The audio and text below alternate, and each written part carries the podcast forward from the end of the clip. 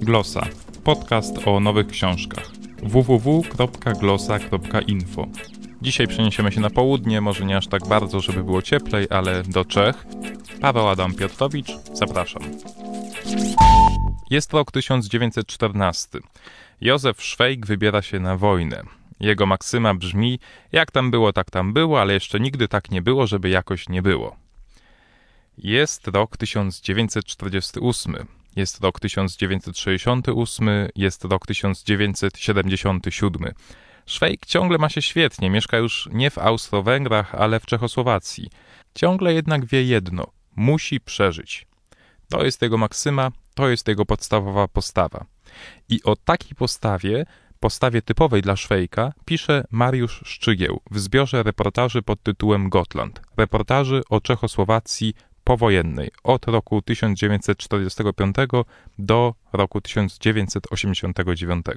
Dla mnie te historie, które opowiada Szczygieł, są dosyć przerażające, bo on mówi o systemie, który jeszcze bardziej niszczy ludzi niż komunizm w wydaniu polskim, a jednocześnie pokazuje, jak ta rzeczywistość umyka jakimkolwiek opisom, jak często jest absurdalna, ale tragicznie absurdalna. No posłuchajmy, co sam autor ma do powiedzenia o tym okresie, o którym pisze reportaże w książce Gotland kiedy y, tak potem sobie przeczytałem ten, y, to wszystko jeszcze raz, co napisałem, to pomyślałem sobie, że to jest taka książka, która pokazuje inną możliwość przeżycia. Jest sposób na przeżycie polski sposób na przeżycie czeski. Sposób na przeżycie polski wkłada powstanie, nawet nieudane, walkę, y, bój.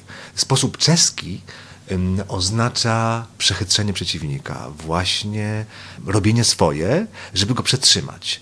To Hitler kiedyś powiedział o Czechach, że Czech jest jak rowerzysta. Niby pochyla głowę, a pedałuje do przodu. No i te dwie rzeczy się jakby zdały w całość. Ja sobie pomyślałem, kurczę, ja jestem jakimś kryptoczechem, no, bo to jest właśnie mój sposób bycia. Marzę o tym, żeby jakiś jeden recenzent to zauważył, że ja pokazuję inny sposób na przeżycie, ale nie gorszy. Właśnie o to chodzi, że ja, ja specjalnie napisałem książkę, która nie ma oceniać, nie ma wartościować, tylko pokazać, no, że jedni mają taki sposób, a inni mają inny, prawda?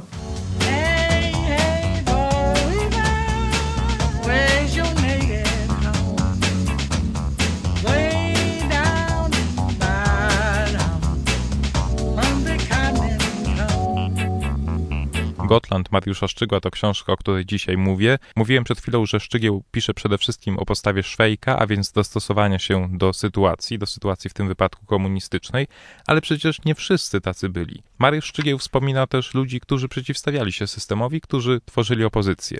Co się działo z takimi ludźmi? Mariusz Szczygieł pisze. Kardynał Milosław Wlyk w ramach normalizacji 8 lat mył wystawy sklepowe. Filozof Jiri Nemec 5 lat był nocnym stróżem. Pisarz Karel Pecka 6 lat pracował w kanałach miejskich. Krytyk Milan Jungman 10 lat czyścił okna. I tak dalej, i tak dalej, i tak dalej. Wśród tych, którzy przeciwstawiali się, był Wacław Havel, który później został prezydentem Czechosłowacji, a następnie prezydentem Czech. I w reportażu Życie jest mężczyzną Szczygieł pisze o procesie przeciwko grupie The Plastic People of the Universe, w obronę której to grupy zaangażowanym był właśnie Wacław Havel. Cóż to była za grupa? Była to grupa, która, jak pisze Szczygieł, powstała w Pradze w październiku 1968 roku, dwa miesiące po inwazji. Zaśpiewali Nikt nigdy donikąd nie doszedł i z każdym występem coraz bardziej rozwścieczali władzę. Zarzucano im brak szacunku dla ludu pracującego i przygotowano serię prześladowań. No nic dziwnego, bo oni tam wieszali na przykład, co tam wieszali, wędzone śledzie na sznurkach nad sceną, z których na ludzi kapał olej. To takie były różne przyjemności słuchania e, tego zespołu, The Plastic People. No i tym kapiącym olejem ze śledzi tak zdenerwowali władzę, że później ciągała ich po sądach, a wręcz niszczyła miejsca, w których występowali. No to już jakiś absurd zupełny. Problemy w Czechosłowacji mieli też ludzie umarli posłuchajmy początku reportażu Mariusza Szczygła Kochaneczek, czytanego przez autora. Coraz trudniej pochować człowieka. Nagle nastąpiła nieprawdopodobna wręcz komplikacja pochówków. Niektórzy w ogóle nie mieli prawa być pochowani. Urnę Józefa S. rodzina trzymała w domu. Próbowano ją pochować kilka razy, ale nigdy to się nie udawało. Ktoś wpadł na pomysł, by zrobić to za granicą, lecz urnę zdemaskowano w pociągu ekspresowym do Wiednia była źle ukryta w ubikacji między muszlą a umywalką. Spragnieni takich historii? No to sięgnijcie po książkę Mariusza Szczygła Gotland, wydana przez wydawnictwo Czarne, a teraz już się kłaniam, do usłyszenia.